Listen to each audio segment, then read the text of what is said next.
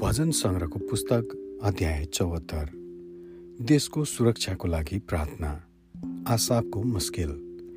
हे परमेश्वर तपाईँले हामीलाई किन सधैँको लागि त्याग्नु भएको छ?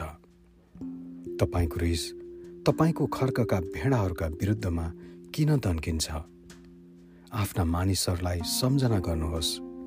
जुनहरूलाई प्राचीन कालमा तपाईँले किन्नु भएको थियो जुनहरूलाई तपाईँका उत्तराधिकारको कुल हुनलाई तपाईँले मोल तिरेर छुटाउनु भयो सियोन पर्वत जहाँ तपाईँ बास गर्नुहुन्छ। आफ्ना कदम यी अनन्त भग्नावशेषतिर बढाउनुहोस्। शत्रुहरूले पवित्र स्थानमा भएका यी सबै थोक नष्ट पारेका छन्। तपाईँले हामीलाई भेट्नु भएको स्थानमा तपाईँका शत्रुहरू गर्जेका छन्। तिनीहरूले आफ्ना झन्डाहरू चिन्हको रूपमा गाडेका छन्। रुखहरूको घारी बन्चराले नष्ट पार्ने मानिसले झैँ तिनीहरूले व्यवहार गरे।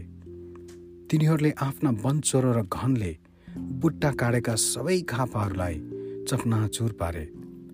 तिनीहरूले तपाईँको पवित्र स्थानमा आगो लगाए। तपाईँका नाउँको वासस्थान तिनीहरूले अपवित्र तुल्याए। तिनीहरूले आफ्ना हृदयभित्र भने हामी तिनीहरूलाई पूर्ण रूपले मिच्नेछौँ।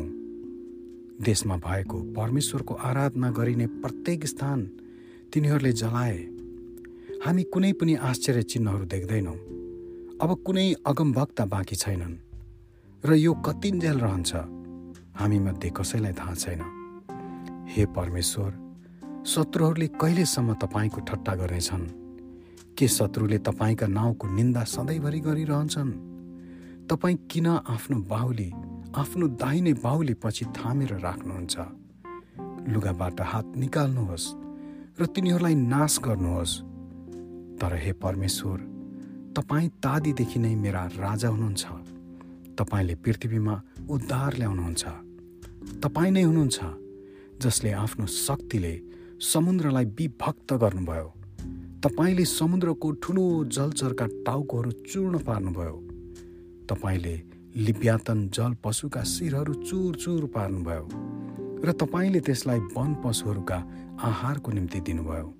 तपाईँ नै हुनुहुन्छ जसले पानीका मूल र खोलाहरू फुटाएर निकाल्नुभयो।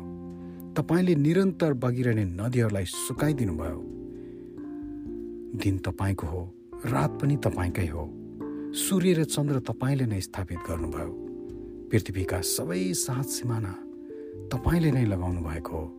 तपाईँले ग्रीष्म ऋतु र शिशर ऋतु बनाउनु भएको हो। हे परमेश्वर शत्रुले तपाईँको कसरी ठट्टा गर्छ सो सम्झनुहोस् र मूर्ख मानिसहरूले कसरी तपाईँका नाउँको निन्दा गरेका छन्। तपाईँको आगो ढुकुरको प्राण जङ्गली जनावरलाई नदिनुहोस्। आफ्नो पीडित जनको प्राणलाई सदाकाल नभुल्नुहोस्। तपाईँका करारको मर्यादा कायम राख्नुहोस्। किनकि देशका अध्यारा ठाउँहरू हिंसाले भरिएका छन्। थिचो मिचोमा परेकाहरू शर्ममा पछि नहटुन्। दुखी र दरिद्रहरूले तपाईँका नाउँको प्रशंसा गरून्। हे परमेश्वर उठ्नुहोस् र आफ्नो पक्षको विषयलाई सम्हाल्नुहोस्।